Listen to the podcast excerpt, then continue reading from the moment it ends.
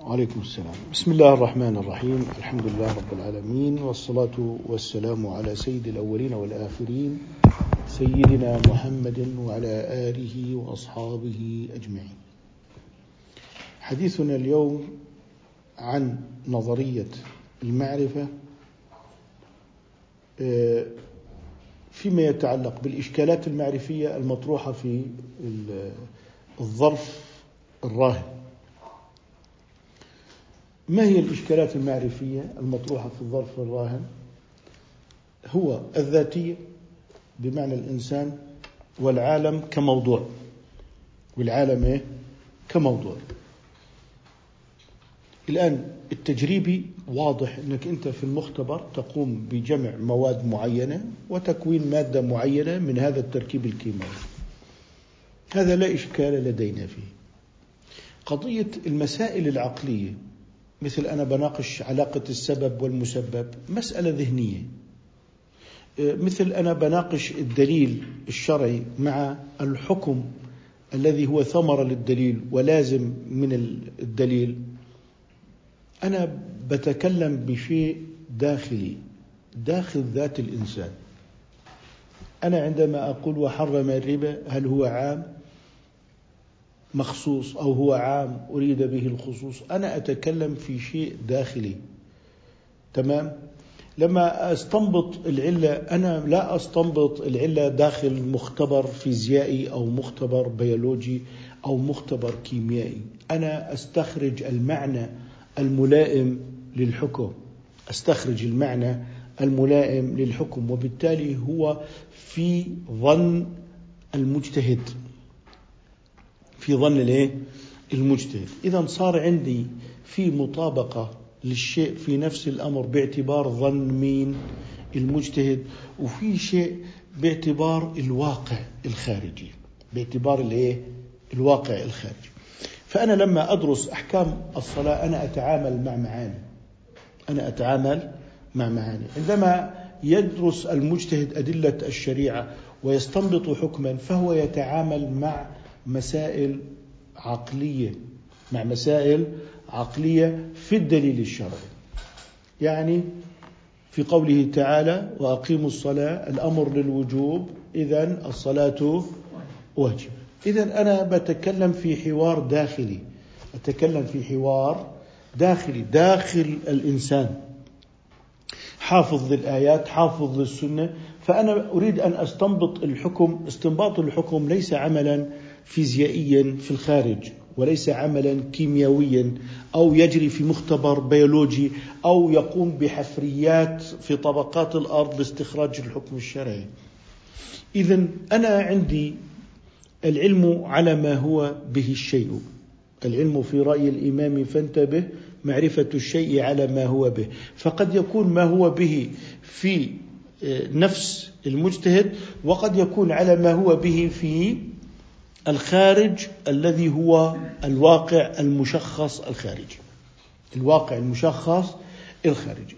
إذا الذاتية اللي هي التفكير الإنساني من داخل الإنسان وأن الحقيقة هي ماثلة في ذهن الإنسان. والحقيقة في الخارج غير موجودة. هذا تفكير معاصر وقديم أيضا بمعنى إنه أنت عندما تنظر إلى السماء أو الشمس تشرق وتغيب فهو وضع متحول، الماء تراه سائلا وتراه آه، ثلجا جامدا وتراه متبخرا تمام آه، هذا الأمر يعني مختلف. الآن ما هي الأزمة المعرفية البشرية؟ إما الانحياز إلى الذاتية بمعنى أن الحقيقة هي في ذات الإنسان وإما الانحياز إلى الخارجي والفكر التجريبي المحسوس. فإما الانحياز إلى الذاتية وإما الانحياز إلى الخارج. الآن نريد أن نشخص على سبيل المثال عندما أنا آه، أرى الطريق ضيقا من بعيد. بسبب البعد. اذا أنا بالنسبة لي ينعكس في النفس أن الطريق ضيق. عندما أرى الانعكاسات الضوئية على أنها ماء النفس الآن فيها أنه انعكاسات الماء. عندما أرى الماء مكسورا أو القلم مكسورا داخل وسط الماء نقل إلي الحس أشياء في الحقيقة في الخارج غير موجودة.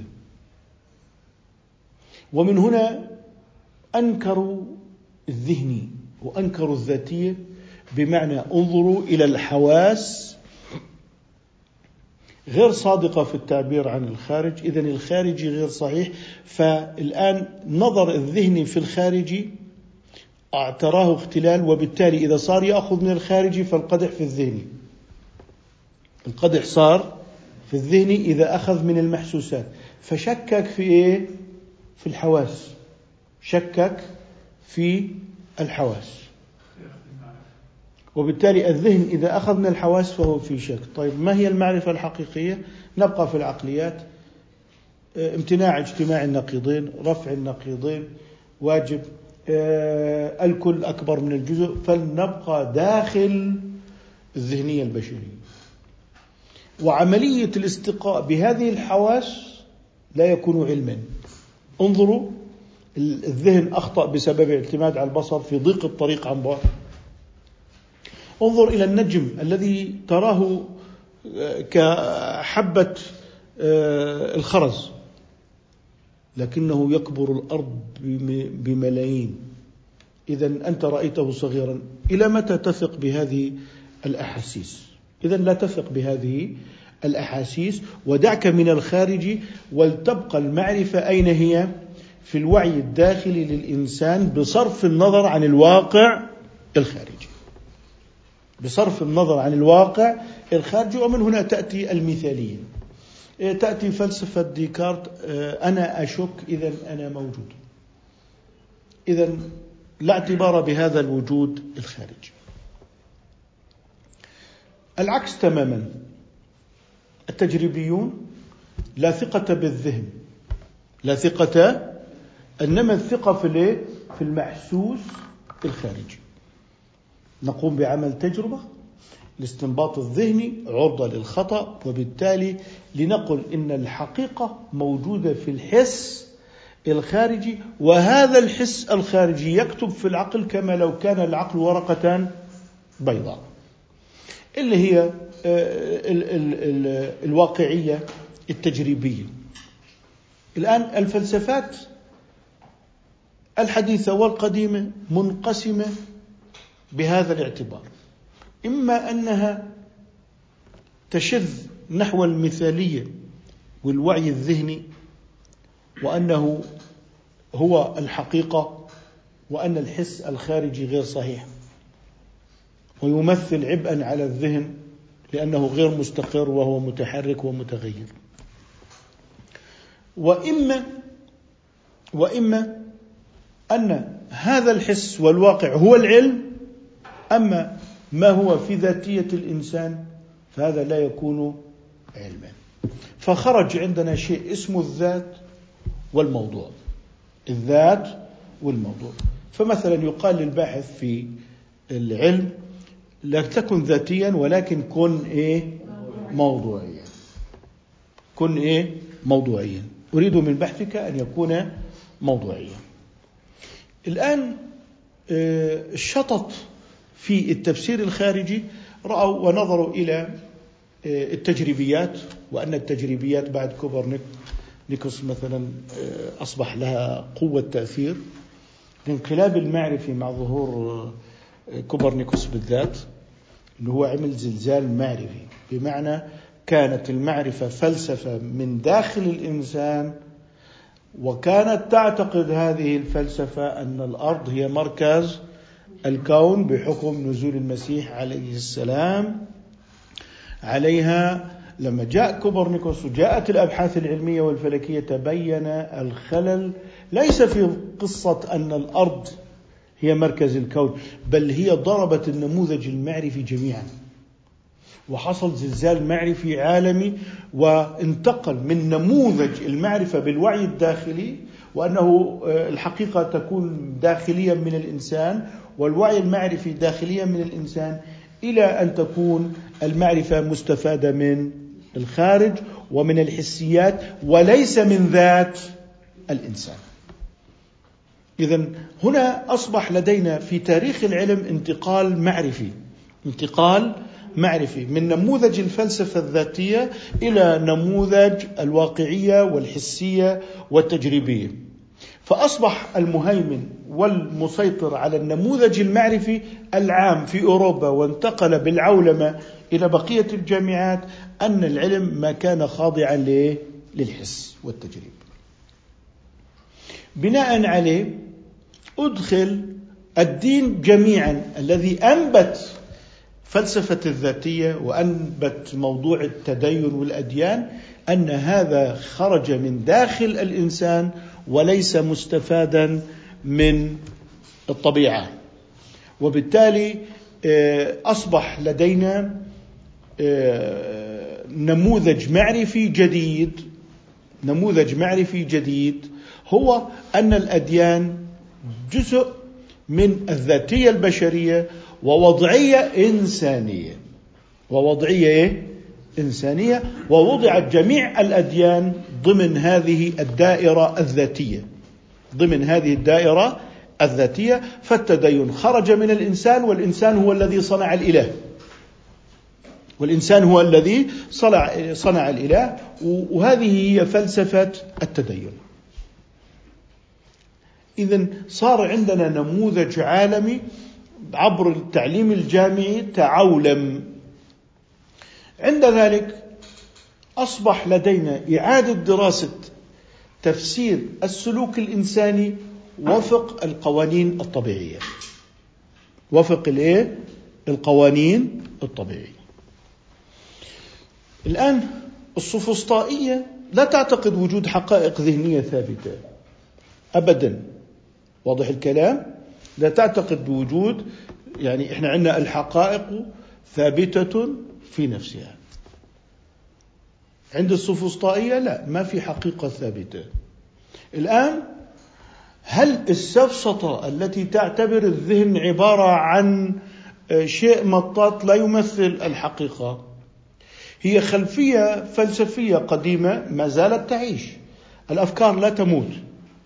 الفلسفات لا تموت. الطوائف لا تموت الطوائف مستمرة حتى الطوائف التي نشأت تحت قبة الإسلام مستمرة حتى اليوم. الفكرة لا تموت إنما قد تأخذ الفاظا جديدة قد تأخذ شكلا جديدا. الفلسفات القديمة من السفسطائيه إن التي لا تقول التي تقول بأنه لا يوجد حقائق ثابتة في الذهن. حقائق ثابتة في الذهن غير موجودة. الآن الحقائق هي موجودة بالحس الخارجي هو الذي يستطيع أن إيه؟ يستطيع أن يحكم. وبالتالي حتى عندما يذهب إلى الخارجي لا يتعامل مع أن الخارجي علم. سيلجأ إلى موضوع التفسير الذاتي. يعني السفسطائية هل سيقنعون بنتائج العلم القطعية؟ لا سيعيدون تفسيرها تفسيرا آخر يتفق مع الذاتية. وأنا ممكن أوضح بمثال. إذا قلنا عدم وجود حقائق ثابتة والخارجي إذا نظرنا إليه مع أنه مستقر في نفسه إلا أن الذهن لن يأخذ منه حقائق سيعيد تفسيره فلسفيا اللي هو فلسفة العلم الآن الفلسفة الغربية أنت حر أن تتدين في أي تدين. جميع الأديان سواء. كلها محل شك. أخذت هذا الدين أو ذاك الدين فحرية الدين ما عندنا مشكلة فيها. ليه؟ لأن الأديان ليست حقائق أصلا. هي من السحر الذي يجب إزالته من العالم. ولذلك التدين هي حالة فردية خاصة لا تمثل تاثيرا في نظام المجتمع وعموم المجتمع. الآن نحن في هذا المنطق. نريد أن نطرح مشكلة كبيرة موجودة عالميا. إذا كانت الحقائق غير ثابتة فهل يمكن إنه في الخارج في ذكر وانثى؟ أنت لاحظ خطورة الفلسفة في التشريع وفي التقنين. يقول لك أنا بالنسبة لي الذكر كالأنثى. المرأة مساوية للرجل. صرت أنا بدي أعطيها نفس الراتب وأشغلها نفس الكذا.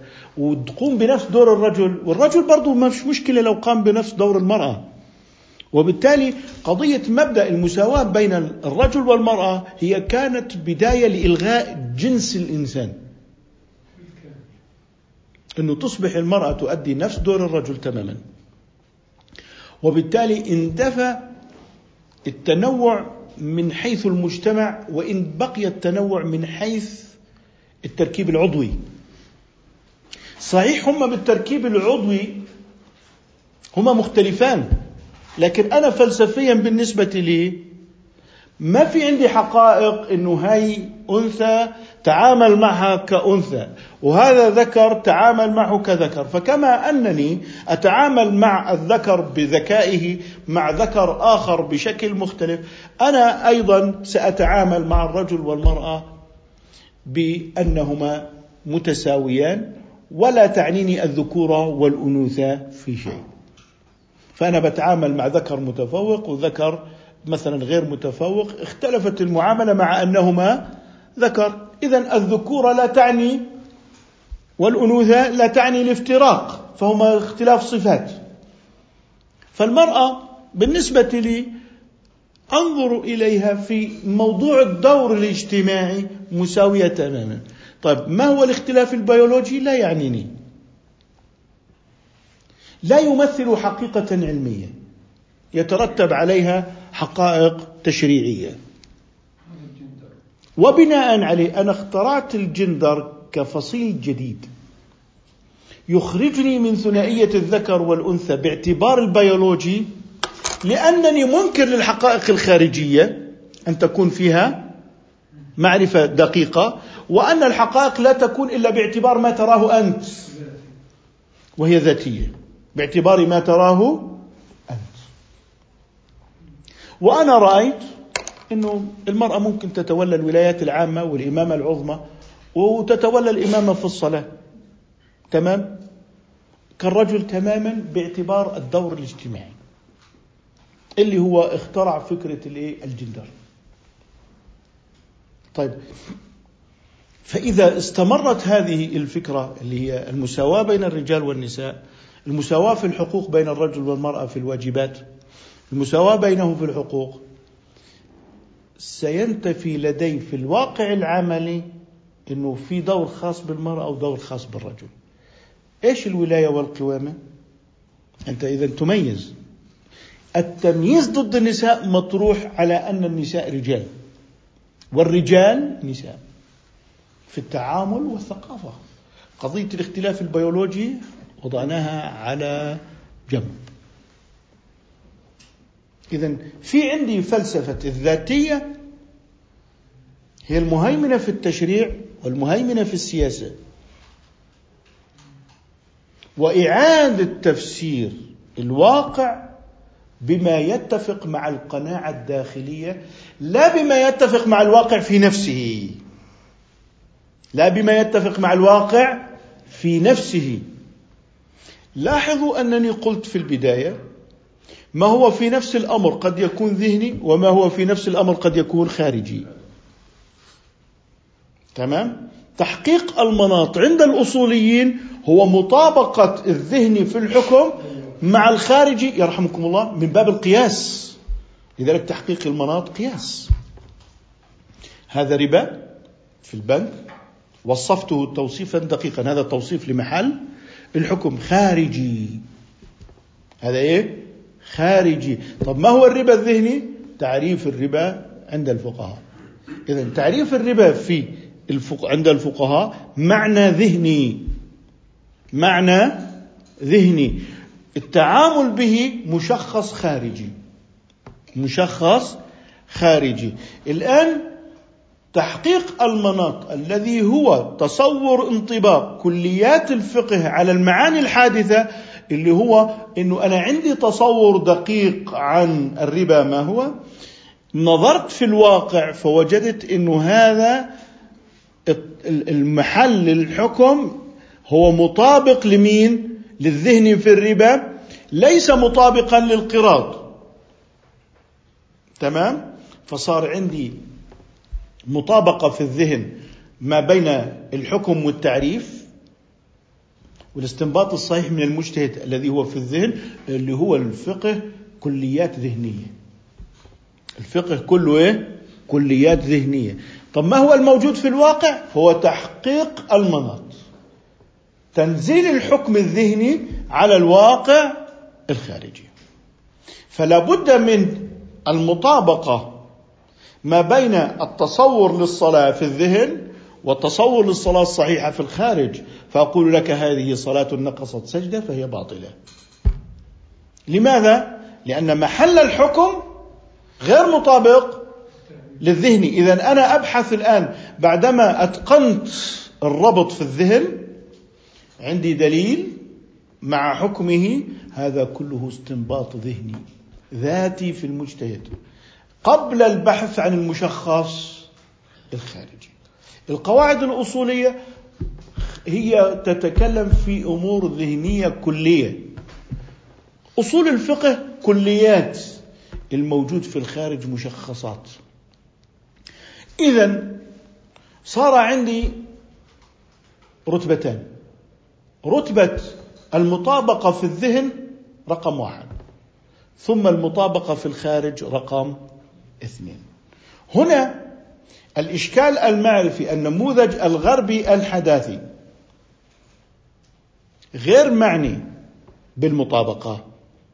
هو معني إما أن يذهب ذهابا تاما وانحيازا إلى الذاتية فيعتقد أن العلم هو المعرفة الذاتية مثل ديكارت أنا أشك اذا أنا موجود. أنا أشك اذا أنا موجود. اللي هي ممكن نسميها المثالية ممكن نسميها الظاهرتيه عند هورسل تمام؟ وممكن الوجودية كلها من هذا الباب. الوجودية كلها من هذا الباب. اللي هو وجود الإنسان هو الوجود الحقيقي وبقية الموجودات نسبية وأن الحقيقة هي موجودة في الذهن تخرج من الذهن إلى الذهن اللي هي الفلسفة الذاتية. اللي بده يطلع منها الوجودية. سيخرج منها إيه؟ الوجودية. المثالية. يعني هايدجر وجودي. هايدجر آه، آه، يعني مع أنه هو عكس ديكارت إلا أنهما كلاهما وجوديان. هذاك يشك اذا هو موجود العقلية البحث العقلي فقط. هايدجر قال ليس إذا أنا أشك إذا أنا موجود. أنا موجود إذا أنا أشك. أنا موجود. فانطلق من أن الوجود الحقيقي هو وجود هذا الإنسان وأن هذا الإنسان في الوجودية أنه آه، ينظر إلى ما سيكون عليه في من هو مستقبل فيبدأ وجوده باعتبار رؤيته المستقبلية. باعتبار رؤيته المستقبلية وبالتالي هم قدرية. هم إيه؟ قدرية. الإنسان هو الفاعل في الكون وكلهم ينطلقون من أن الإنسان أن العالم مكتف بنفسه وليس له خالق. فهم إما أن يترنحوا بين المثالية الوجودية وإما أن يترنحوا بين إيه؟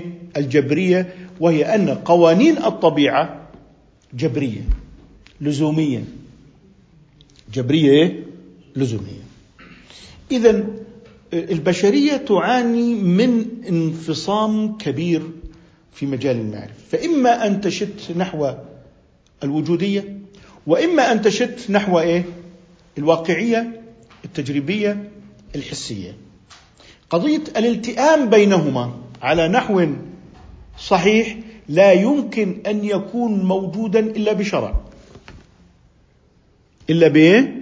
بشرع فطالما أن البشرية تعتقد أن مثلث الوجود هو الإنسان والطبيعة والإله الذي تخلى أوجد قوانين في الطبيعة ثم إيه؟ تركها. سيقع بين البشر هذا الإشكال.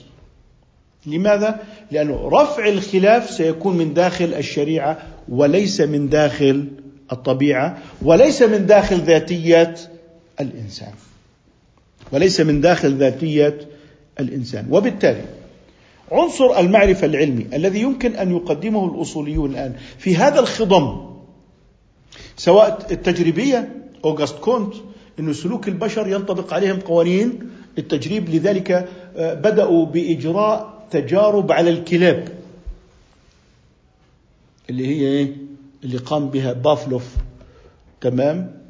في الانعكاس للمؤثرات على سلوك الكلاب تمام؟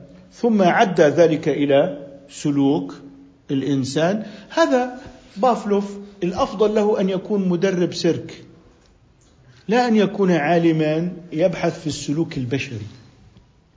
فهم توقعوا أنهم إذا طبقوا القوانين الوضعية على السلوك البشري أن هذا سيكون علما. أن هذا سيكون علما.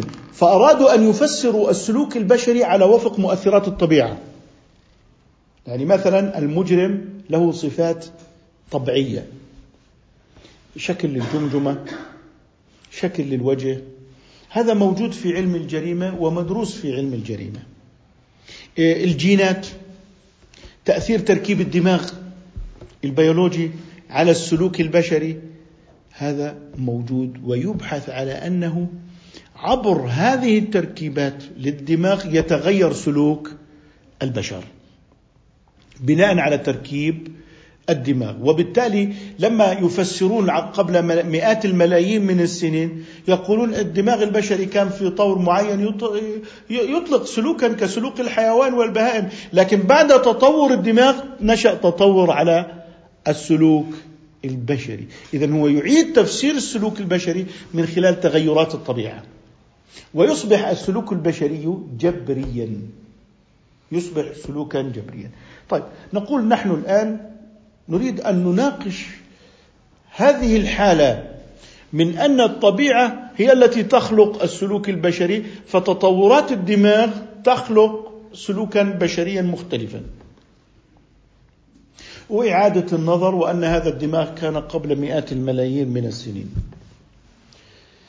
اذا هو يريد أن يعيد تفسير السلوك البشري على وفق قوانين الطبيعة. طيب لماذا أنت تريد أن تشرعن لعمل قوم لوط؟ يقول لك هذا أنزيمات وهرمونات. فهو ينطلق في تفسير السلوك من ماذا؟ من الطبيعة. طيب لماذا ارتكبت جريمة القتل بسبب الفقر؟ فالفقر لازم ضروري ليه للجريمة. اذا لماذا يحدث مثلا هذه الفتن الموجودة؟ لأسباب اقتصادية. فيعيد تفسير السلوك البشري إلى القوانين البيولوجية في الإنسان لكن في الشريعة تثبت أن الناس ولدوا على فطرة سليمة في تهيئهم لقبول الحق وأنهم خلقوا خلقة تامة سوية. واضح؟ كما تولد الشاة جمعاء ليس فيها جدعاء. إذا النبي صلى الله عليه وسلم عن طريق الشرع قال لهم لا هؤلاء على صواب في موضوع الجبرية ولا هؤلاء على صواب في موضوع القدرية. القدرية أي المثالية أي الفكر هايديغر والفكر اللي هو الذاتية وأن الإنسان هو المختار الذي يكون نفسه وأنه هو الذي يفعل في هذا الكون وأنه يفعل ما شاء وأنه سيد الكون. ليس بموجب التسييد الإلهي له. على وفق ميثاق الخلافة بالطاعة واتباع الرسل. لا لا إنما يعطونه إياه إعطاء مطلقا. ولذلك ما نناقشه الآن من الحداثة إنما هو إما أن يكون منحازا لي الطبيعة أو أن يكون منحازا للذاتية. وما سبب هذا الانحياز هنا أو هناك؟ أنهم فقدوا المصدر المهم وهو النبوة. لذلك كيف ترفع النزاع والخصومة؟ ما بين المثالية ما بين الوجودية والوجوديون مختلفون. في موضوع الوعي وتفسير الظاهرة اللي هي الظاهرتية عند هسرل مثلا. فكيف يمكنك أن ترفع هذه الخصومة بين الذاتية وبين الموضوعية التي تجعل من الطبيعة موضوعا. هو هايدجر ألغى الطبيعة وجعل الإنسان هو الموضوع. فصار عنده الإنسان والإنسان والإنسان.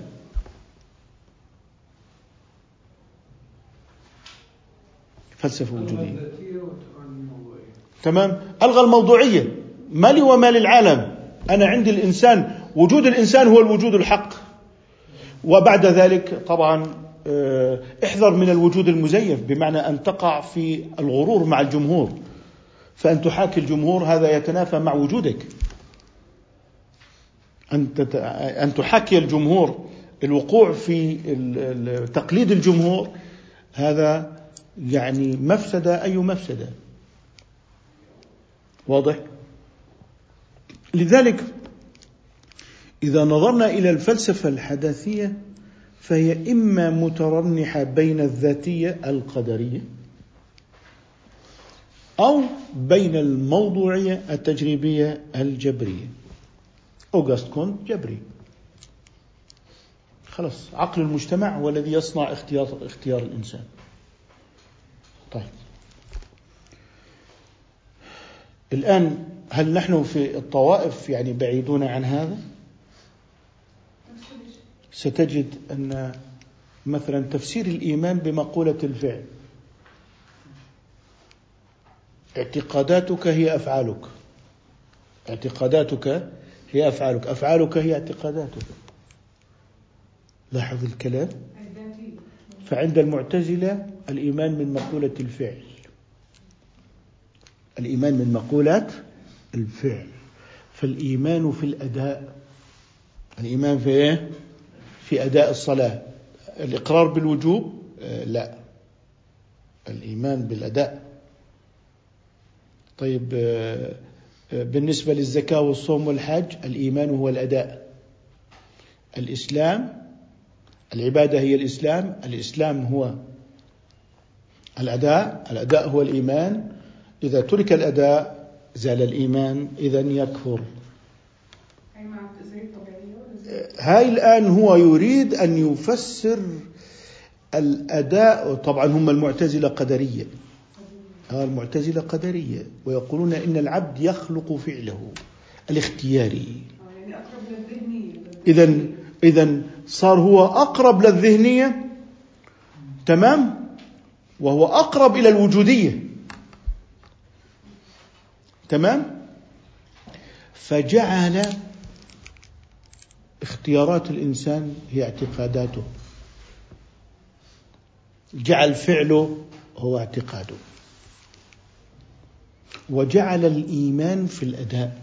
وجعل الإيمان في الأداء فهو وجودي.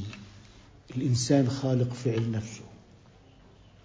والفعل خلقه الإنسان بناء على اختياره هو.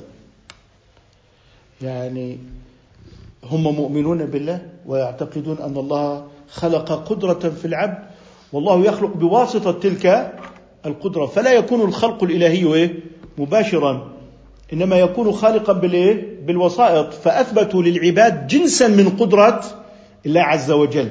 لكن عندهم أن الله سبحانه وتعالى هو الذي خلق بالوساطة فيجوز نسبة الفعل إلى الله بالإيه؟ بالمجاز وبالتالي لا يكفر المعتزلة بهذا لأن لهم تأويلا ينجيهم من أن يقولوا إن الله ليس خالقا واضح؟ فهم وإن أخطأوا في الحكم إلا أنهم وافقوا في قصد إثبات الاختيار للعبد من خلال هذا وبالتالي عندما نجد أنه هذا الموجود عند المعتزلة وهو أن الإيمان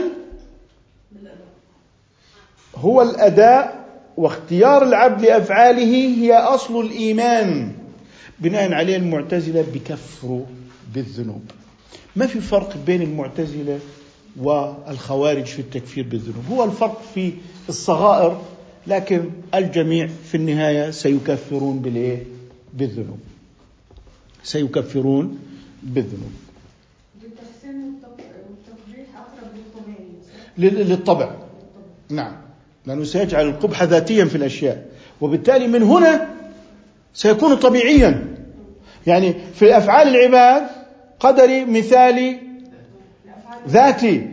لكن في حسن الذوات وقبحها جعله ذاتيا وجعل أن الله سبحانه وتعالى إنما يحكم على سبيل الوجوب بالحسن والقبح الموجود في الأشياء. واضح الكلام؟ فصار الله عنده أنه فقط هذا قبيح في ذاته فيقول لك هذا قبيح في ذاته. هذا حسن في ذاته وذاك حسن في ذاته. آه طبعا.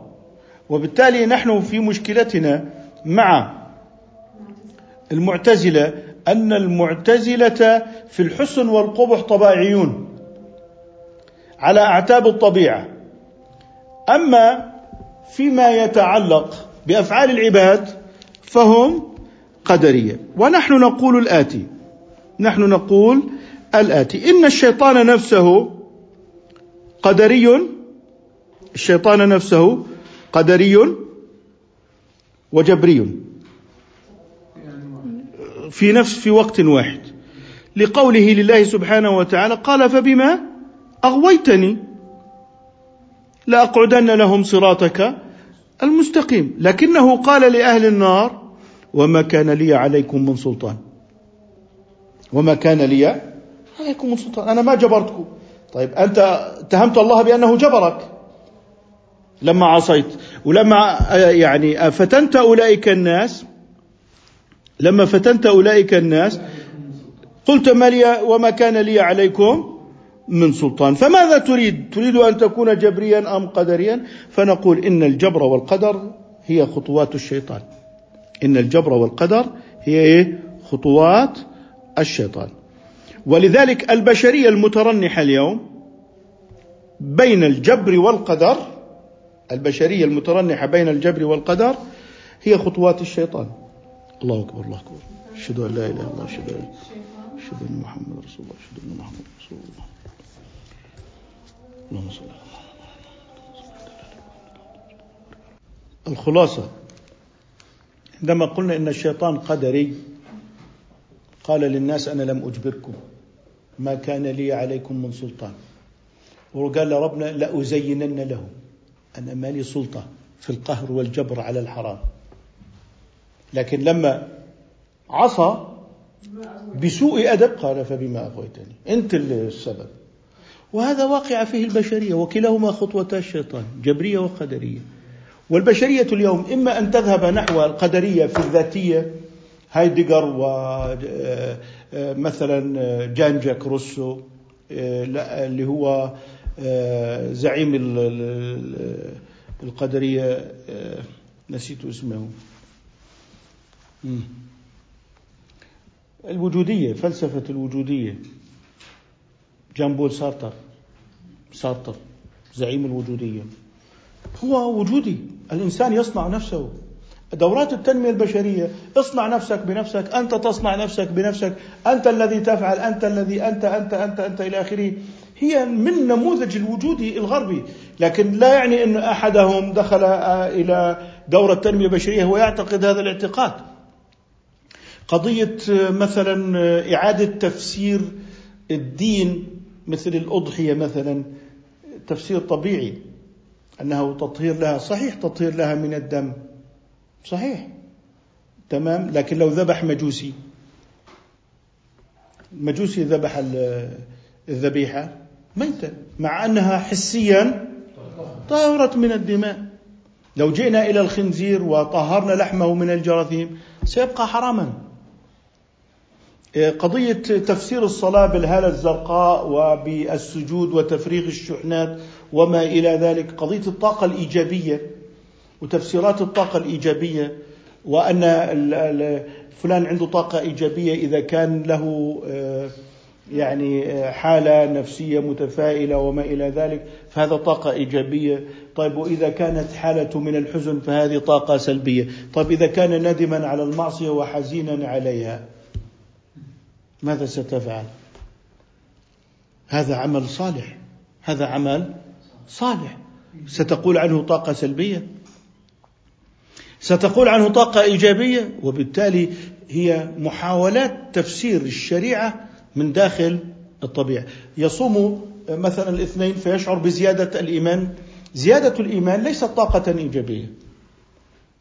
نقص الإيمان ليست طاقة سلبية وبالتالي هو إعادة تفسير المعاني تفسيرا ماديا. فالفيزيائيون لا يقبلون تسمية ذلك من باب الطاقة. الطاقة لها مفهوم له علاقة بالمادة ومفهوم فيزيائي وبالتالي لا يقبلون مثل هذه التفسيرات إنما هي تفسيرات آه، من الإلحاد الروحي القادم من جنوب آسيا. من الإلحاد الروحي القادم من وين؟ من جنوب آسيا. يعني ليس فقط الإلحاد المادي. الإلحاد المادي الذي لا يعترف بالإيمانيات يقول لك أين هم يأجوج ومأجوج؟ لقد أرسلنا يعني كل أدواتنا الحديثة فلم نجد لهم اثرا. تمام؟ إعادة تفسير الغيبيات هو ناتج من فلسفة الطبيعيات. إعادة فلسفة الطبيعيات مثلا موضوع طيرا أبابيل تفسر بالكوليرا. مثلا يعني هو في النهاية يذهب إلى الطبيعي فيفسر بمعنوي أو يذهب إلى المعنوي فيعيد تفسيره بالإيه؟ بالطبيعي. طب الملائكة نزلت حسا في نصرة أهل بدر. فيعيد تفسير الملائكة الذين هم حسا موجودون أجسام نورانية يعيد تفسيرهم بأنهم قوة معنوية. قوة معنوية. يعني هو يذهب إلى ما هو الشريعة اعتبرته طبيعة حسية موجودة لكنه مغيب عن أدوات إبصاركم وسمعكم أعاد تفسيره معنويا. يأتي إلى الشيطان موجود حسا فيعيد تفسيره بأنه صفات شر. فتجد انقلابات الشريعة أبعد من أن تكون حالة جزئية لرأي هنا أو رأي هناك إنما هي منضوية تحت كليات الحداثة الغربية سواء في ذاتيتها أو في موضوعيتها بمعنى إيه؟ التجريبي وأساس الاختلال بين الذاتية والتجريبية والنبوة هي لإعادة الجمع بين الذات وبين التجريبي بوجه صحيح لذلك نحن عندما نقول العقل مناط التكليف. العقل مناط التكليف. أو تقول لي هي ذاتية بقول لك لا. صحيح أنه العقل مناط التكليف هو الذي سيستقبل الوحي وسيعقل عن الوحي لكن عندما يريد أن يطبق في الخارج سيطبق بقياس. سيقول لك هذا حج فاسد لفوات وقوف عرفة.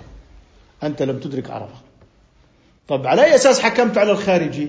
بناء على صحة الذهني. من الذي زودني بصحة الذهني؟ الشرعي. تمام؟ طيب هل الأم هل الملائكة تدرك من جهة الفيزياء والكيمياء والبيولوجيا؟ لا. لا تدرك من هذه الجهة الطبيعية.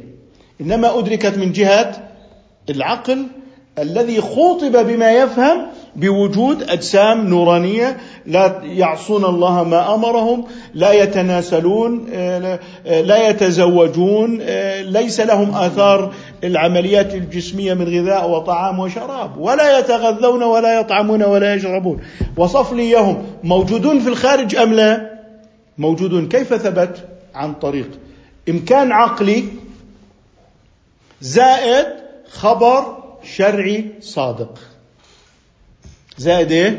خبر شرعي صادق. اذا يمكن أن توجد كائنات لا تخضع لأبصارنا ولا لحسنا في السمع أو للمسنا أو لشمنا لكنهم ثبتوا من جهة ثالثة. ليس من جهة العقل المجرد ولا من جهة التجريب إنما ثبتوا من جهة الايه الشرعي.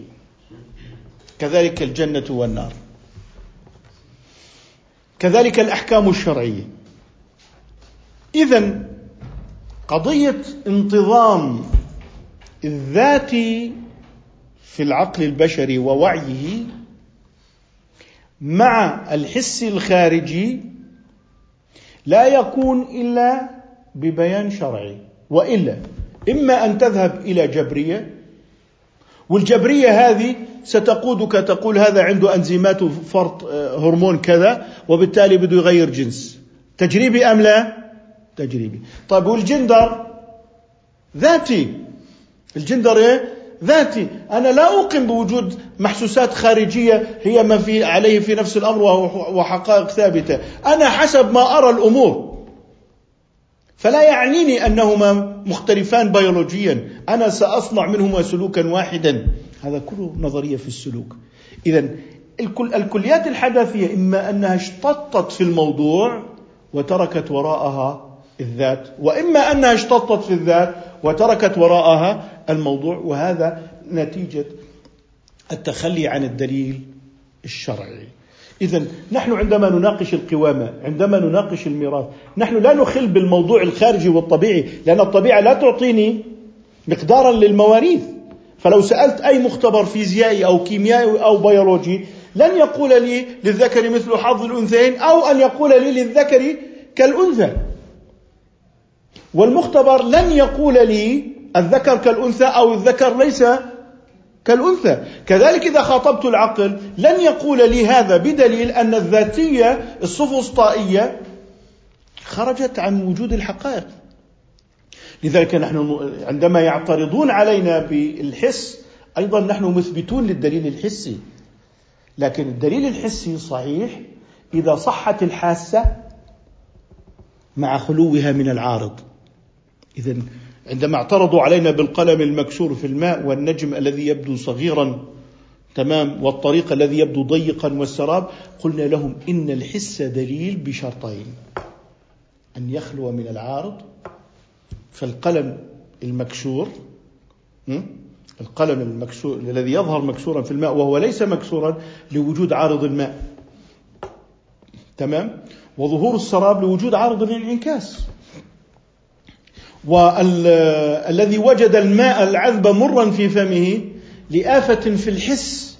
فممكن الإنسان يكون عنده قصر نظر أو طول نظر فيعكس البعيد قريبا والقريب بعيدا. فنحن اشترطنا لإفادة الحس للعلم. اشترطنا شرطين سلامة الحاسة والخلو من العوارض. إذا إحنا أثبتنا الطبيعة أم لا؟ أثبتناها. طيب الشعر ذوق. الشعر خيال ذاتي. عندما تتكلم في البلاغة ذاتية لكن أليس لدينا قوانين في البلاغة؟ ها أليس لنا قوانين في البلاغة؟ تقول لي هذا مجاز؟ أقول لا الحقيقة ممكنة. فلماذا حملت على المجاز؟ مثلا فاقطعوا أيديهما تريده قطعا معنويا. أقول لك عندي قوانين لضبط المعرفة داخل الذات. لاحظ كيف؟ يعني نحن ضبطنا الذات في داخلها ثم ضبطنا الذات مع الموضوع في الخارج. كيف ضبطنا الذات في داخلها؟ قوانين الاستنباط. الأمر للوجوب. كل القواعد الأصولية هي لضبط الحكم مع الدليل. ذات أم لا؟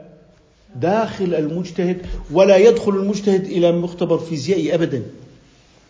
إنما يستنبط باعتبار أنه دخل إليه الدليل من السمع والبصر ثم عالجه بالذات اللي هي الفؤاد وأتقن الحكم الصحيح فصارت لدينا الإتقان داخل الذات في موضوع العلم. فبينتج عندي الفقه مختصر خليل وشروع خليل تمام؟ هي عبارة عن معاني مكتوبة بالقلم. أين هي موجودة؟ بالذات. هذا اسمه إيه؟ الفقه. طيب ما الذي يتحول ويتغير؟ محل الحكم في الخارج. عندي قياس. توصيف محل الحكم؟ صلاة صحيحة صلاة باطلة. تمام؟ عندئذ تتعارض علي الأدلة في الخارج لكنها في الذهن لها بحث مختلف. طيب امرأة قال لها أخوها اكفليني في البنك. وقال لها زوجها لا تكفليه وقال أبو الزوج لا تسمح لزوجتك بكفالة أخيها. وقال أبو الزوجة اكفلي أخاك. صار عندي بر والدين تعارض. وصار عندي تعارض طاعة الزوج مع الذمة المالية المستقلة للزوجة. هذا بيكون التعارض وين موجود؟ في الخارجي. تعارض موجود في الخارجي. فنحن الآن بحثنا في الترجيح في الخارج فنقول إذا كانت المرأة موسرة فحقها. ولا يحق لزوجها الاعتراض. لماذا؟ لأنها موسرة وهذا أمر ينفعها وينفع أخاها وينفع برها بأبيها لأنها موسرة ولا يضر الزوج. فالزوج متعنت. لا تخسر من مالك ولا تحبس هذه المرأة بسبب الكفالة.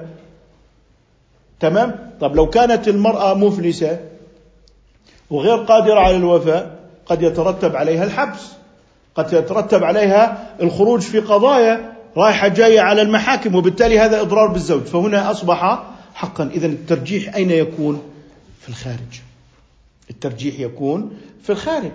أما في الذهن فهذه قواعد متوازية. قواعد إيه؟ طاعة الزوج قضية آه، مثلا الذمة المالية للمرأة مستقلة هاي بتكون قواعد مستقلة من حيث الصحة.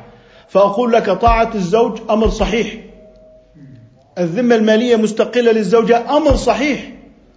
بر الوالدين وطاعة الوالدين أيضا أمر صحيح. ما في عندي إشكال بالذهن إنما يطرأ اللي هو إيه؟ الالتباس في الخارج دكتور ليش الترجيح بالخارج هو يعني تطبيق الترجيح بالخارج بيكون بغض النظر في الذهن عن مسألة معينة. في الذهن ما بيكون مسألة مشخصة. لاحظوا لما ذكرت أنا هذه المسألة كلها ذهنيا. لكن لما جاءت فلانة بنت فلان برقم وطني كذا وزوجها فلان ابن فلان صارت المسألة إيه؟ مشخصة. تمام؟ فلاحظوا الفرق إنه التعارض في الترجيح في الخارج دائما موجود بين المشخصات. بين الايه؟ المشخصات. فإحنا بدنا نفقه إنه ما جوهر التعارض في الترجيح في المشخص. يعني مثال ممكن يكون قريب عنا خاصة وإنه إحنا طالعين من عيد الفطر. الآن إحنا مطلوب منا شرعا صوموا لرؤيته وأفطروا لرؤيته. الخطاب اليوم أفطروا لرؤيته. الآن جاءني ثلاثة أقوال في الطبيعة. فلكية مختلفة. هذا قول يقول ولد الهلال لكن لا تمكن رؤيته. مستحيلة قطعا. واحد قال لي بصعوبة. واحد قال لي آه، ممكن في ظل آه، ظروف وأجواء معينة. الآن أنا عندي عدة أقوال فلكية. هل الطبيعة تعين أحدها؟ لا تعين أحدها هل الفلكي عندما اختار هذا القول الطبيعة قالت له قول أنا قلت لك هذا ولا هو استفاده وفي عنده وعي ذاتي فهمه. إذا تعددت الذاتية مع الطبيعة واحدة. واضح الكلام؟ لكن تعددت الذاتية. عندي ثلاثة أقوال بس الطبيعة في نفسها إلى ثلاثة أقوال؟ الطبيعة ما لها ثلاثة أقوال. إذا هنا صار عندي الذاتية الوعي الفهم العلم في داخل الإنسان وما هو في الواقع الخارجي. الآن هل الفلكيون مع هذه الأقوال الثلاثة قادرون على الحسم؟ يقول لك لا أنا أرى هذا فلكيا. هذاك يراه فلكيا لكن الطبيعة لم تحسم. الطبيعة لا تعطيك أخلاق. الطبيعة هي صماء عمياء. الذي يعطيك الأوامر ليس الطبيعة هو الله. تمام؟ الطبيعة لا تعطيك أوامر. الذاتية تعيش إلى في جو مختلف آخر. وبالتالي عملية الاجتماع لا تكون إلا من خلال الدليل الشرعي والحكم بالبينات الشرعية. من هنا من هنا لا يمكن الحسم من داخل علم الفلك. فإذا أحلتني إلى الفلك فقد علقت الأحكام لأن الحكم إذا علق بالفلك الفلك لا يحسن. لكن إذا أسندته إلى القاضي إذا أسندته إلى القاضي فسوف يرجع إلى البينات. فالبينات ويرجح واحدا منها بناء على البينات. إذا مين اللي بده يحسم؟ القاضي. سيحسم بناء على بينات وقد تخالف الأمر في نفسه ولكنها مقبولة شرعا. وإن خالفت الواقع في نفسه. كان يأتي الشهود الذين ظاهرهم العدالة عشرة شهود ظاهرهم العدالة فقالوا برؤية هلال شوال وربما تواطؤوا. فأنت تحكم بناء على البينة. فصوابية الحكم من حيث ماذا؟ البينات الشرعية في الوعي عند القاضي وإلمامه بشروط القضاء وبيناته. وإن كان غير موافق لما هو في نفس الأمر. بدليل فإن غم عليكم. بدليل فإن غم عليكم. فأتموا عدة شعبان ثلاثين. مع أن الذي أعددناه شعبان ثلاثين ربما يكون في نفس الأمر هو واحد رمضان. فتبين لنا أن الشريعة هي المصدر وليس الطبيعة فالذي أمرك بصوم رمضان ولم يأمرك بصوم شوال هو الذي أمرك بهذه البينة على هذا النحو ومن هنا. نعود إلى علاقة الحكم الشرعي فيما هو شرعا وفيما هو في نفس الواقع. لم أقل في نفس الأمر في الذهن. فرق. حكم شرعي صحيح لكن ما هو في الواقع في التطبيق على محل الحكم. بالاتفاق أنك يثبت هلال شوال بشاهدين. بالاتفاق. الآن الشاهدان قد يخطئان. ما الذي كلفت به أن تصادف الأول شوال من شوال في نفسه؟ ولا إنك أنت تراعي ترتيب الأدلة الشرعية وتحكم على وفق البينات؟ تحكم على وفق البينات. تحكم على وفق البينات. طب فإن أخطأت فأنت مأجور. طب فإن أصبت فلك أجران. طب ماذا لو كلفتك أو كلفتك كشرع بأن تصيب الأمر في نفسه في هلال؟ شوال يقينا ستصوم الأربعين من رمضان وأنت تحتاط وسيعاد تفسير الشهر من ثلاثين إلى خمسين. وستخرج من الحقيقة سواء بالوعي الإنساني إلى الوعي الطبيعي وبالتالي صارت الإنسانية هي الحكم على الطبيعة وهذا خلاف ما هو عليه الشرع. فلاحظ أنه لما كلف القاضي والمجتهد بأن يبذل جهدا في الأدلة وعذره إن أخطأ فهذا يعني أنه لم يكلفه الصواب في نفسه. ربما تقول لي هذا ذاتية. مثلا. أقول لك لا لأنه أنا عندي قواعد موضوعية اللي هي أصول الفقه في الاجتهاد. هل هو ذاتية؟ لا يمكن لأنني أنا عندي قواعد أصولية. فلن يكون ذاتية على نحو سارتر وهايدجر وهورستريل وغيرهم. هنا الفرق بيننا وبين الحداثة. أنه إحنا داخل الذاتية لدينا قوانين موضوعية. الأمر للوجوب النهي للتحريم. تمام؟ هل يجب على المكلف أن يفعل الأمر فيما هو في ظنه أم هو ما في نفس الأمر؟ قلنا إن كان من طهارة الحدث فبعد دخل في الصلاة متيقن أنه متوضئ بعد انتهاء الصلاة تيقن أنه محدث. نقول له أعد الصلاة اعتبارا على ما في نفسه الأمر صح؟ طيب. فإن صلى بنجاسة من الخبث ونسي أثناء الصلاة ثم سلم منها ماذا نقول له؟ صلاتك صحيحة مع أن هنا أخل بشرط وهنا أخل بشرط.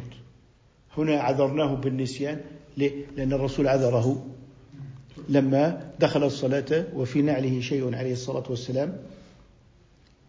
نزعه أثناء الصلاة وأتم صلاته. فبين لك أنك تدخلها بما هو في ظنك باعتبار الطهارة من الخبث لكن لما اختل الشرط وهو الطهارة من الحدث وكانت الطهارة من الحدث امرا داخلا في جوهر الصلاة أبطلها عليه وأمره بالإيه؟ بالإعادة لأنه يلزم من عدم الشرط انعدام المشروط.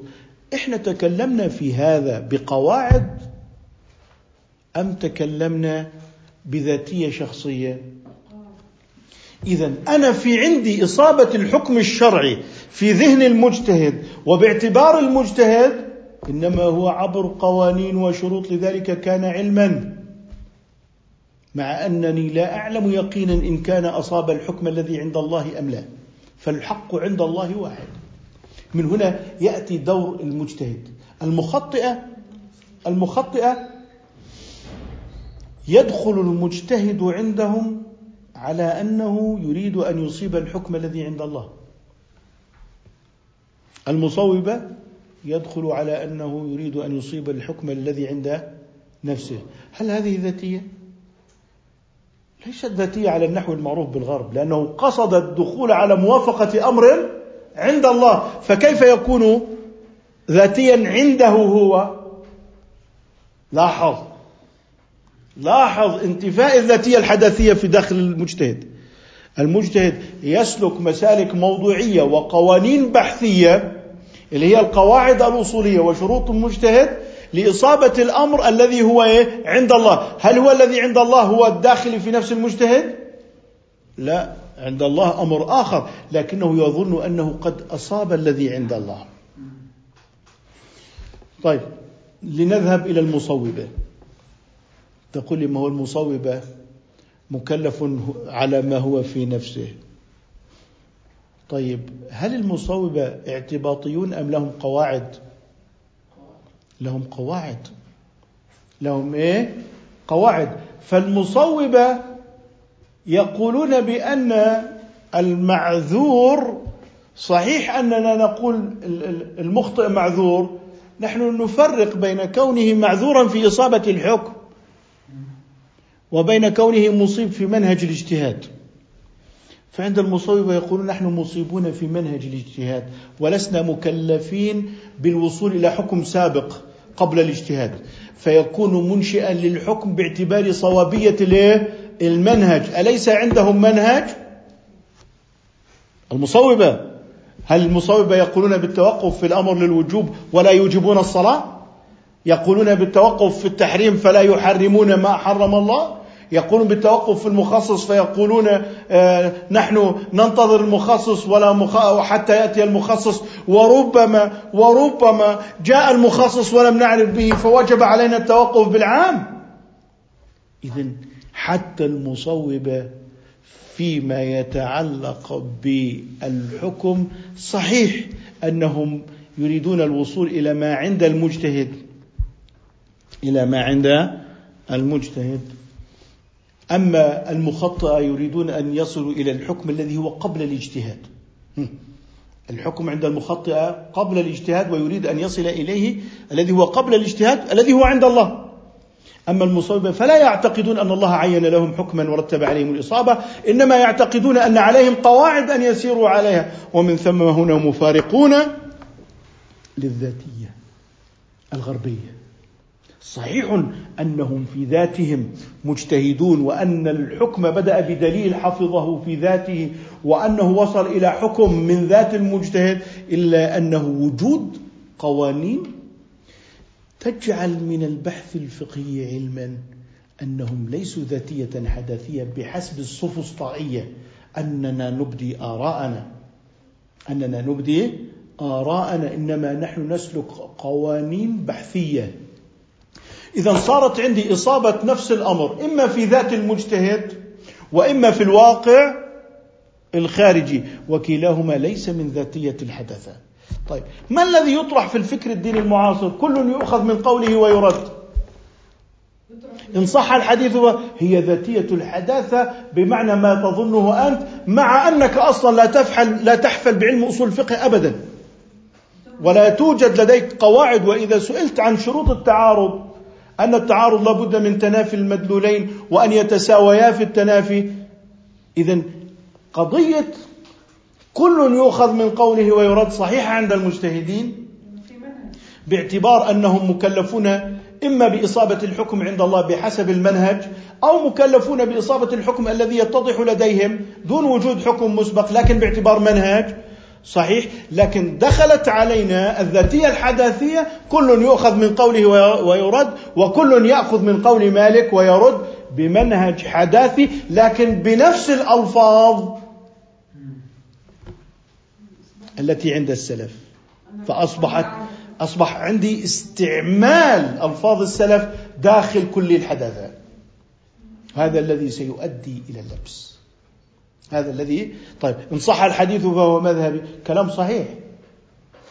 لكن عندما لا تملك منهج مقعد ولا ملكة اجتهادية فتستخدم هذه المقولة الصحيحة كما استخدمت الحديث الصحيح والآية الصحيحة قطعا في سندها.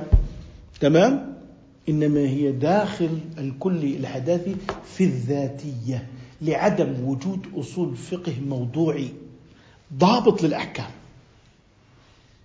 اذا نحن ضبطنا الذاتية بقوانين. قوانين إما لغوية إما عقلية إما شرعية اللي هي استمدادات علم أصول الفقه.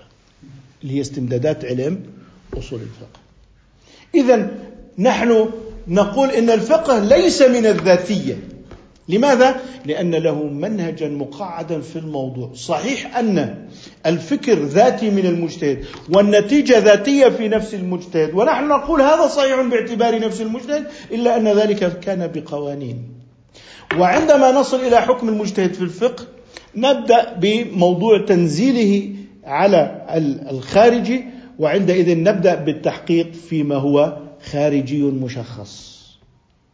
فضبطنا الشريعة في كلياتها الذهنية وضبطنا في تنز... الشريعة في تنزلاتها على المشخصات الخارجية فنحن ضابطون لما هو في نفس المجتهد وليس الفقه من حرية التعبير. آه ثم تقول لي هل الفقيه معصوم قياسا على رجال الدين؟ نقول لك يا أخي أنت الآن بضاعتك خليطة من هنا وهناك لكن في العموم أنت قابع تحت الجذر التكعيبي للحداثة في موضوع الذاتية. في موضوع الايه؟ الذاتية. فالاجتهاد الفقهي مكلف في نفس الأمر عند الله تعالى وبالتالي خرج عن أن يكون ذاتيا ليصيب حكما عند الله. ستعترض علي بالمصوبه سأقول لك المصوبه لديهم. منهج موضوعي مقعد تمام؟ وهؤلاء المعتزلة مصوبة المعتزلة مصوبة لكنهم في الغالب أحناف لم يخرجوا عن عباءة الفقه.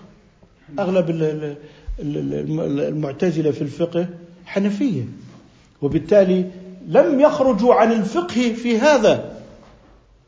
ومن ثم من الضروري جدا أن نفهم كليات المعرفة العالمية وأين تموضع أصول الفقه والفقه الإسلامي والعقائد الإسلامية من هذه المعرفة. فالطغيان نحو الطبيعة سينكر الغيبيات. تمام؟ الإيغال في الذاتية سينكر الفقه بمعنى أنه كل يؤخذ من قوله ويرد إنكار الإجماعات إنكار الأحكام الثابتة بالإجماعات إعادة تمرير الأقوال الشاذة لتصبح معتبرة لأنها لشيوخ مقدسين أو لأنهم يعني لم يبق لهم إلا أن يعلنوا العصمة لشيوخهم. لكنه إذا جاء إلى الشافعي أزاح الشافعي إن صح الحديث فهو مذهبي. مقولة صحيحة لكن استعمالها تحت كلي الحداثة. فلذلك الفقه لم يعد يثبت الآن. لم يعد يثبت حلال ولا حرام فكل حرام حلال وكل حلال حرام. بماذا؟ كل يؤخذ من قوله ويرد فتفشت الذاتية في الوسط الديني. تفشت الذاتية. لن يفلح قوم ولوا أمرهم امراه سيعيد تفسيره على نموذج الواقع الخارجي فيجيز للمرأة الامامه العامة أن هذا كان قاصرا على ابنة كسرى. طب جازت لها الإمامة العامة من باب أولى أن تجوز لها الإمامة الخاصة إمامة الصلاة؟ لا يرفض ذلك. يعني أجزت لها الإمامة الكبرى ولم تجز لها الإمامة الصغرى فيدخل الوسط الديني في تناقضات. لذلك لما دخل الوسط الديني داخل الحداثة ويريد أن يناقشها باعتبار أننا نأخذ ما ينفعنا ونترك ما يضرنا بدون مذاهب فقهية بدون علم أصول فقه إنما هو بالفكر. والانطباعات الفكرية والمثقف الإسلامي والمفكر الإسلامي الذي لا يدري ما معنى شروط التعارض ولا يدري قواعد الترجيح التي تربو على المئة وتزيد لأن أغلبها يجري على مثار الظن. أغلبها جار على مثارات الظن. ثم بعد ذلك يرد على الأئمة المجتهدين اجتهادهم بينما هو لا يملك أدوات الاجتهاد أصلا وتحول المقلد الذي وجب عليه السؤال تحول إلى معترض على الأئمة وإلى مرحلة التنحيت في الدين بمعنى أنه يخترع ديانة من عنده لكنها مدعومة بالمتشابهات. اشرب أثناء الأذان الثاني بخاخ الربو الرطب الذي يدخل تدخل رطوبته وتصل إلى الجوف لا يفطر اشرب قبل اذان المغرب انما نحن امام ذاتية حداثية مدعومة بالمتشابهات. مدعومة بالايه؟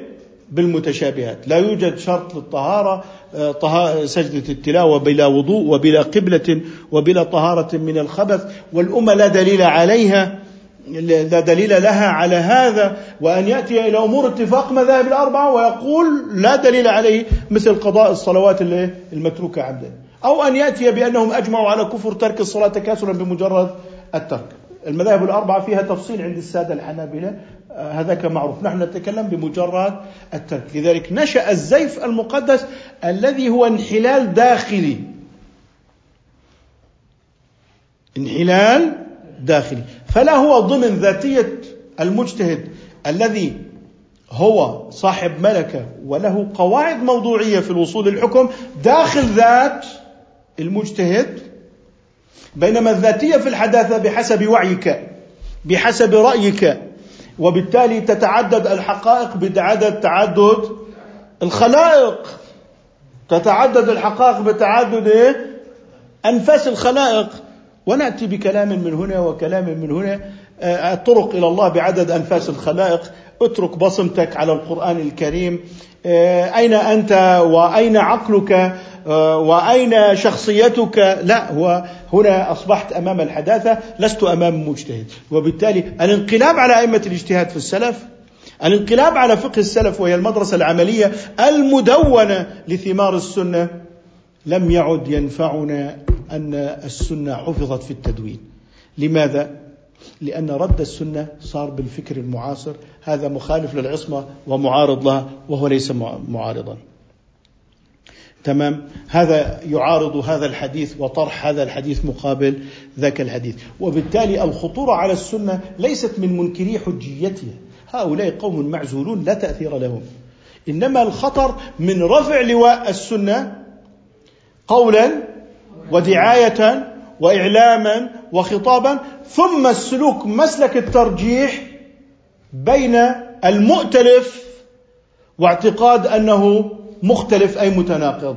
وهنا طرحت السنة في العمل فماذا بقي من فائدة حفظ السنة في التدوين إذا طرحت ثمرتها في العمل؟ فهي كشجرة بلا ثمر يموت الناس تحتها جوعا. لماذا؟ لأنه تم هدم السنة العملية اللي هي ثمار السنة في المذاهب الأربعة المتبوعة وأصبحنا أمام سنة مدونة يعيث فيها الكل كما يشاء فتسمع بحلال هو حرام وحرام هو حلال وما إلى ذلك. وكل ذلك بسبب الذاتية الحداثية. ليس باعتبار ذات المجتهد بالشروط الموضوعية التي أكدت عليها مرارا في منهج أصول الفقه. ذلك المنهج الرصين الدقيق الذي هو مبني على منهج كبير جدا وهو منهج المتكلمين. وبالتالي قد آن للمتكلمين أن يعودوا لوقف هذه الخزعبلات ولوقف هذه المسألة في إعادة تفسير الفقه الذي هو متعلق بفعل المكلف. والحداثة تعيد تفسير فعل المكلف. لذلك مؤلفات محمد عابد الجابري في تفسيره العقل العربي بناء على ماذا؟ أن الحداثة تعتبر أفعالك هي عقلك. ذاتية. تعتبرها هذا هو العقل. وبالتالي يقول العقل العربي هو عقل القبيلة والغنيمة والعقيدة. فيريد أن يفسر التدين الإسلامي عبر الحداثة الغربية التي تجعل العقل هو الفعل. وهذه مقولة المعتزلة أن الإيمان هو الفعل. أن الإيمان هو الفعل. طب إذا هناك خلط كبير عند هؤلاء في مفهوم العقل. نحن عندنا العقل ملكة. ملكة تدرك بها العلوم الضرورية والنظرية. وضع الكلام؟ ليس هو الفعل. فقد تفعل فعلا وأنت لا تعتقده. يا أيها الذين آمنوا لم تقولون ما لا؟ لما تفعل؟ يا أيها الذين لم تقولون ما لا؟ تفعلون. كبر مقتا. إذا هنا قال لك أنت تعتقد شيء وتفعل شيئا آخر. طب المعتزلة يعتقدون إنه طالما فعلت هيك إذا أنت هذا من مقولة الاعتقاد لذلك كفروا بالذنوب. الآن الولاء والبراء نفس الشيء. طالما أنه دخل البرلمان اذا يكون كافرا كافرا كافرا وهذا من اللازم. طالما حكم يكون كافرا. هي متحورات المعتزلة غزت الأمة الإسلامية في اعاده تفسير الفعل أنه إيه؟ الاعتقاد. طالما أنه يداوم على ترك الصلاة اذا هو يعتقد أنها ليست واجبة. ولولا أنه يعتقد أنها ليست واجبة لما داوم على تركها هذا هي روائح المعتزلة. لكن هل المعتزلة قالوا بهذا التفصيل؟ لا هو كتاب وسنة صحيحة بناء على أصولهم. فيعيد التفسير من تركها فقد كفر ويعيد تفسير ومن لم يحكم بما أنزل الله فأولئك هم الكافرون. نصوص صحيحة وكتاب وسنة لكن على وفق أصول المعتزلة. فالنزاع ليس في الكتاب والسنة كمصادر إنما هو الاعتزال في النظر أو الخلاف في النظر إليها. فالمشكلة في فساد النظر لا في صحة الأسانيد. فالقرآن كله أسانيد صحيح مقطوعة لكن الله عز وجل بين أن الذين في قلوبهم مرض ماذا يتبعون؟ ما تشابه من الكتاب. والكتاب قطعي إذا المشكلة لديكم لن تكون في الأسانيد إنما ستكون في فساد النظر. فالكتاب والسنة الصحيحة ليست مذهبا إنما هي مصادر. رواية أبي هريرة أنه يعني يحتمل أنه الشرب أثناء الأذان الثاني ليس مذهبا بل على العكس أصبحوا يرون أن فلان إذا روى فإنه هذا الذي يرويه هو مذهب ذلك الراوي فجعلوا المذهب والرواية شيئا واحدا ثم اخترع فكرة أهل الحديث ودمر الفقه الذي هو ثمرة السنة وهو السنة العملية ثم بعد ذلك وصل إلى قضية تكفير المجتمعات الإسلامية بالجملة. لماذا؟ لأن العبادة هي الإسلام، الإسلام هو الإيمان، إذا زالت العبادة إذا زال الإسلام، إذا زال الإيمان، هذا فكر المعتزلة. طيب لماذا خطيب الجمعة في عرفة كافر؟ لأنه يوالي أعداء الله. وانظروا إلى صورته مع هؤلاء القوم. إيه؟ قل له أنت حرام عليك أنت ما بتخاف الله. لكن قضية التكفير بدها تأخذ منحى أنه بما أنه فعل إذا كفر. طيب طبق القانون الوضعي إذا كفر. دخل إلى البرلمان إذا كفر. إذا هذا هو أصل الأمر بالمعروف والنهي عن المنكر عند المعتزلة فتكفير أهل السنة بالجملة في موضوع العبادة جار على أصول المعتزلة وليس جاريا على أصول أهل السنة. فالفرق في التكفير لن يكون بالكتاب والسنة الصحيحة إنما يكون بالأصول التي نظر بها إلى الكتاب والسنة. فمنظار المعتزلة التكفير. منظار أهل السنة يخرج التكفير إذا كان جحودا لمعلوم من الدين بالضرورة. اذا الإشكال ليس في الدليل الإشكال في الناظر في الدليل. ذاتية أم لا؟ ذاتية. لكن ذاتية أهل السنة في آه، إنتاجهم للأحكام قائمة على أصول وقواعد مختلفة عن أصول المعتزلة. ومن هنا نحن نقول إن سبب الفتنة القائمة اليوم فيما يتعلق بالتجريبية الطاغية على العقيدة. تفسير الإله تفسيرا فيزيائيا. نزول حركة وزن. كله مشتق من وين؟ من الطبيعة. الرسول ما قال لك نزول حقيقي. الرسول قال يتنزل قال هل من سائل؟ فسر النزول بإيه؟ هل من سائل؟ فالجواب موجود. الجواب موجود. إذا أنت عندما فسرت الإله بنسبية مع الطبيعة إذا أنت ذهبت نحو التجريب. ثقل السماء منفطر به. تجريب. إذا كتلة وزن حجم محدود من جهة السفل بالعالم. محدود. آه، ممتد من بقية الجهات. جسم لك الأجسام. قيام الحوادث بالذات تاريخ الإله.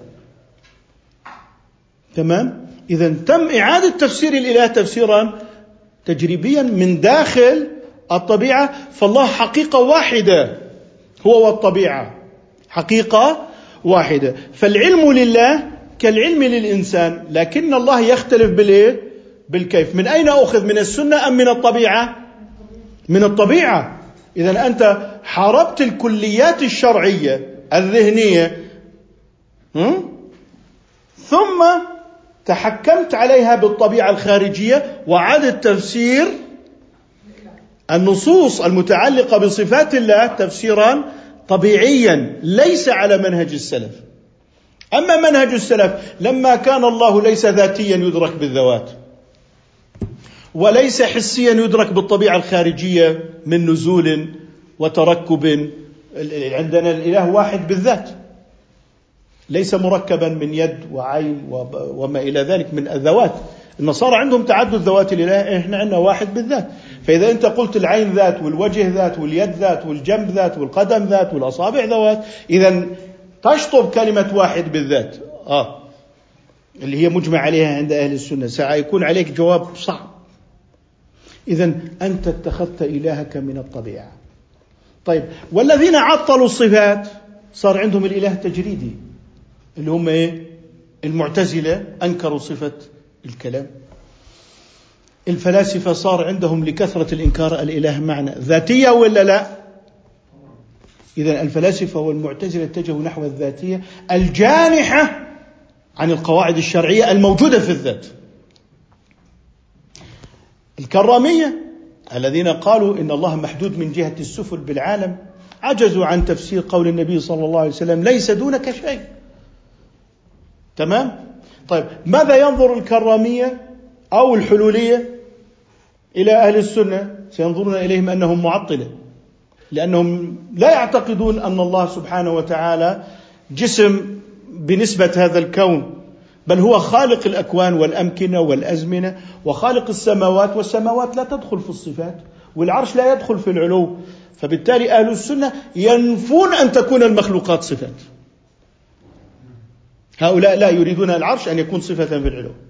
طيب نقول لهم الله سبحانه وتعالى متصف بالعلو قبل العرش؟ نعم. طيب بعد العرش؟ نعم. أثناء العرش؟ نعم. طب لو زال العرش هل ينقص من علوه؟ لا ينقص. طب لو زالت الدنيا لو زال العالم هل ينقص من علوه؟ طيب فإذا كان لا ينقص من علوه ولا يزد في علوه فكيف صار من صفاته؟ هو الآن نحن في عهد المتحورات. يعني الطوائف الآن لا تستطيع أن تقول هذا من الخوارج لأنه كفر تارك الصلاة أو لأنه كفر الحاكم أو أو. الآن أنت ليس لست أمام أهل سنة بالمعنى الصافي. لست أمام خوارج بمعنى الطائفة. لست أمام معتزلة. أنت أمام خليط متحور من كل هؤلاء. أنت أمام خليط متحور. وبالتالي عندما تعيد تفسير الإله بأنه بنسبة مع الحس الخارجي أنت لم تنكر عقل أهل السنة. أنت أنكرت الشريعة التي جاءت بالتسليم فالصحابة جاءوا بالتسليم وسلموا ولم يخوضوا. لماذا؟ لأنه ليس ذاتيا يعرف بالذات وليس طبيعيا يعرف بالطبيعة الحس الخارجي وأمرهم الشارع بالتسليم. آمنا به كل من عند ربنا. وكان كل من يثير المتشابه يحبس ينهى يجلد يضرب يبعد الآن ليس لنا من سيرة إلا المتشابه والتبديع والتفسيخ ولم نصل إلى المعنى. يعني يتنزل عرف تنزل الله. ما في معنى. طب ولا تفويض ولا تأويل ولا معنى. انتهينا إلى العدمية الدينية. لا هي اليد المتصلة بالكتف. تمام؟ ولا هي اللي فيها خمس أصابع. وبعد قليل قلت هي اليد الجارحة باللغة العربية. أتينا باليد الجارحة باللغة قلت ليست هي. هذه فيها خمسة أصابع وفيها مرفق وفيها ما فيها. قلت ليست هي. آه، الحب اللي هو إيه؟ ميل القلب. طب تريدها لأن الله يحب المؤمنين؟ ميل القلب. بده يحذف القلب وبده يخلي الميل. ليه؟ لأنه هو في النهاية ذهب إلى اللغة لأنها خارجية أنها خارجية اللغة مأخوذة من العرب وبالتالي هو يريد أن يهرب من الغيب والتسليم الغيبي ووصف ووصم التسليم الغيبي الذي هو الشرع بأنه هو الجهل بالله بأنه هو إيه؟ الجهل بالله ويتعبد السلف كالصحابة بالجهل هل هذا معقول؟ إنما تعبدوه على علم وسلموا على علم ولم يسلموا على جهل. أنت الذي أتيت بالجهل بالكيفية وتعبدت بالجهل بالكيفية وأنت مصرح بهذا. أما نحن أهل السنة نحن مصرحون بالتسليم. لماذا؟ لأن الشرع لم يدلنا عليه. فسكت عن الاستواء فسكتنا. والذاتية هنا إما أن تذهب إلى التأويل وإنكار التسليم كالمعتزلة وإما أن تذهب إلى التجسيم وإنكار الإثبات وجعل الإثبات تجسيما. فهنا الجنوح إلى الذاتية بلا قيد الشرع وإلى الحسية من غير قيود الشرع. وخط فيما لم يأمرك به الله وتكلفت أمرا لم يكلفك به. إذن سنستطيع أن نعيد تفسير كل الإشكالات الموجودة. بناء على أن ذاتية الإنسان والموضوع والإله هما جوهر المعرفة والتناسق بينها هو جوهر العلم والحقيقة والصواب. ضلال الطبيعيين زي داروين الطبيعة تخلق بالطفرة. كيف خلقت الطفرة؟ فعل بلا فاعل. نيوتن لا يقبل منك ذلك. نيوتن قوانين نيوتن تقول إن الجسم الساكن لا يتحرك إلا بمحرك خارجي عنه. والجسم المتحرك لا لا يزداد تسارعه أو لا يغير اتجاهه إلا؟ بمحرك خارجي. إلا بمحرك خارجي. أنت يا داروين اتفاهم مع نيوتن. عقيدة باطلة. طب ماذا نستفيد من ذلك؟ نستفيد من ذلك رجحان المعرفة الإسلامية وأنها متفوقة. تمام؟ لو حدثت بنفسها الأكوان لاجتمع التساوي والرجحان. قضايا عقلية رصينة محكمات عقلية مع محكمات شرعية. حيث احتملت الطبيعة في الفلك في هلال رمضان عينت الشريعة. حيث احتمل العقل نجاة أبي جهل عينت الشريعة هلاكه في النار. فنظرية المعرفة لابد أن تدل على العلم بهيئة مجتمعة. ما احتملته الطبيعة قد يعينه العقل أو الشرع. ما احتمله الشرع يعينه العقل. الله خالق كل شيء. لم يخلق ذاته. الدليل عقلي أن الشيء لا يفعل في نفسه. تمام؟ الله ليس مخلوقا. إذا الدليل من حيث وضعه تناوله.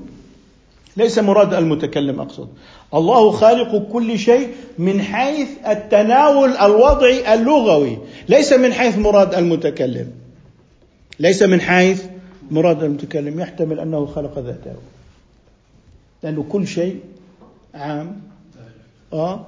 والله عز وجل وصف نفسه بشيء. قل أي شيء أكبر شهادة.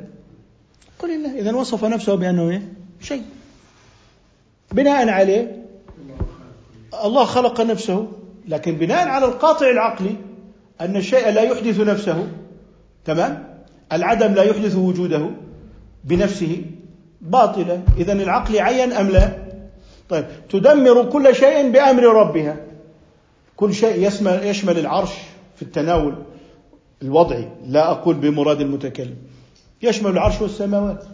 ويشمل كثيرا كالجنة والنار. ما الدليل المخصص؟ أنها لم تدمر السماوات. هي محسوس. إذا المخصص إيه؟ الحس. لذلك الاحتمالات ترفع بالهيئة الاجتماعية لا باعتبار مصدر بعينه. الشرع العقل الطبيعة. ترفع الاحتمالات ونصبح أمام حقيقة علمية. هذا ما قصدت أنه إحنا لما نتكلم في مبدأ السلوك الإنساني. هناك موضوعات معينة كالسحر مثلا هذا يحتاج إلى موضوع برأسه فيما يتعلق بتموضعه داخل إطار نظرية المعرفة. الخلاصة الجنوح نحو الذاتية هو الهوى. الجنوح نحو الطبيعة هو الهوى. وكلاهما في الشيطان. جنح نحو الذاتية أنا خير منه. طيب والطبيعة؟ خلقتني من نار وخلقته من طين. إذا الشيطان جنح إلى الذاتية والطبيعية في وقت واحد. ده, ده معلم. ده معلم في الضلال جبري قدري في نفس الوقت. جنح إلى الذاتية. أنا.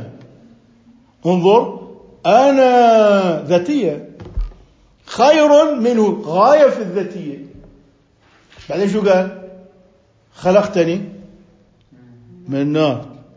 الطبع مع الذاتية. أوروبا منقسمة بين هذين الخطين وهما خطا إبليس في الخلق الأول. وأول قصة تذكر في القرآن في الخلق الأول إبليس. فكل مجتمع الشرور هناك وكل مجتمع الخير هناك.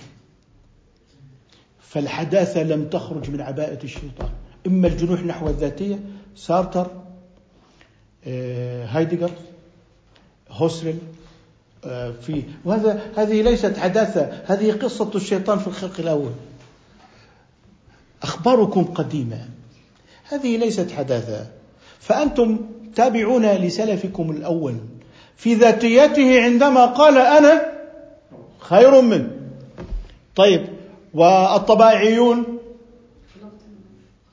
خلقتني من نار وخلقته. كلاهما رد الأمر الشرعي وهو أمر الله تعالى بالسجود. مثلث الشريعة الأمر بالسجود الذاتية أنا خير منه.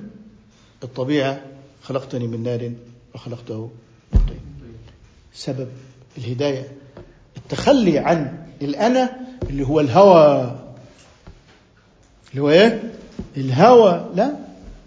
أنا أريد أن أفصل قناعة دينية خاصة بي. ماذا قال هذا العالم الفلاني؟ لقد رد على الله ورسوله. وهو مذهب معتبر.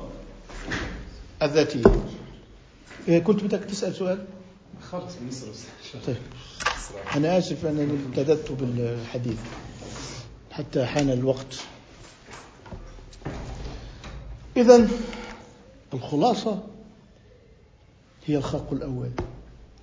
لست أمام هايدجر في فلسفة جديدة ولا أمام هوسرل ولا أمام السفسطائية التي تنحو منحى الذاتية والتي إيه؟ تريد أن تجعل الذكر كالأنثى. لماذا؟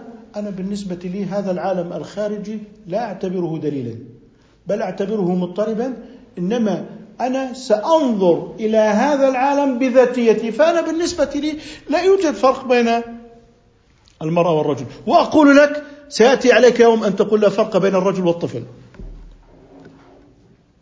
وقد نودي بذلك قريبا نعوذ بالله. قتلهم الله. نعوذ بالله أمور لا تحكم.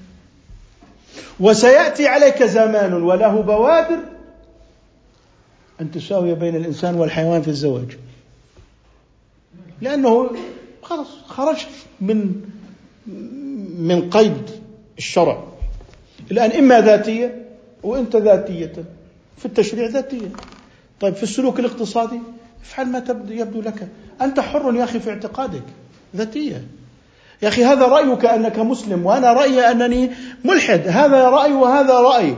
فهذا رأيك في العقائد وأنا رأيي في العقائد. إنما هي إيه؟ الذاتية. وعدم اعتقاد وجود حقائق. في الخارج. هذا جوهر المعرفة الإسلامية الذي ينبغي أن ننتبه إليه جيدا.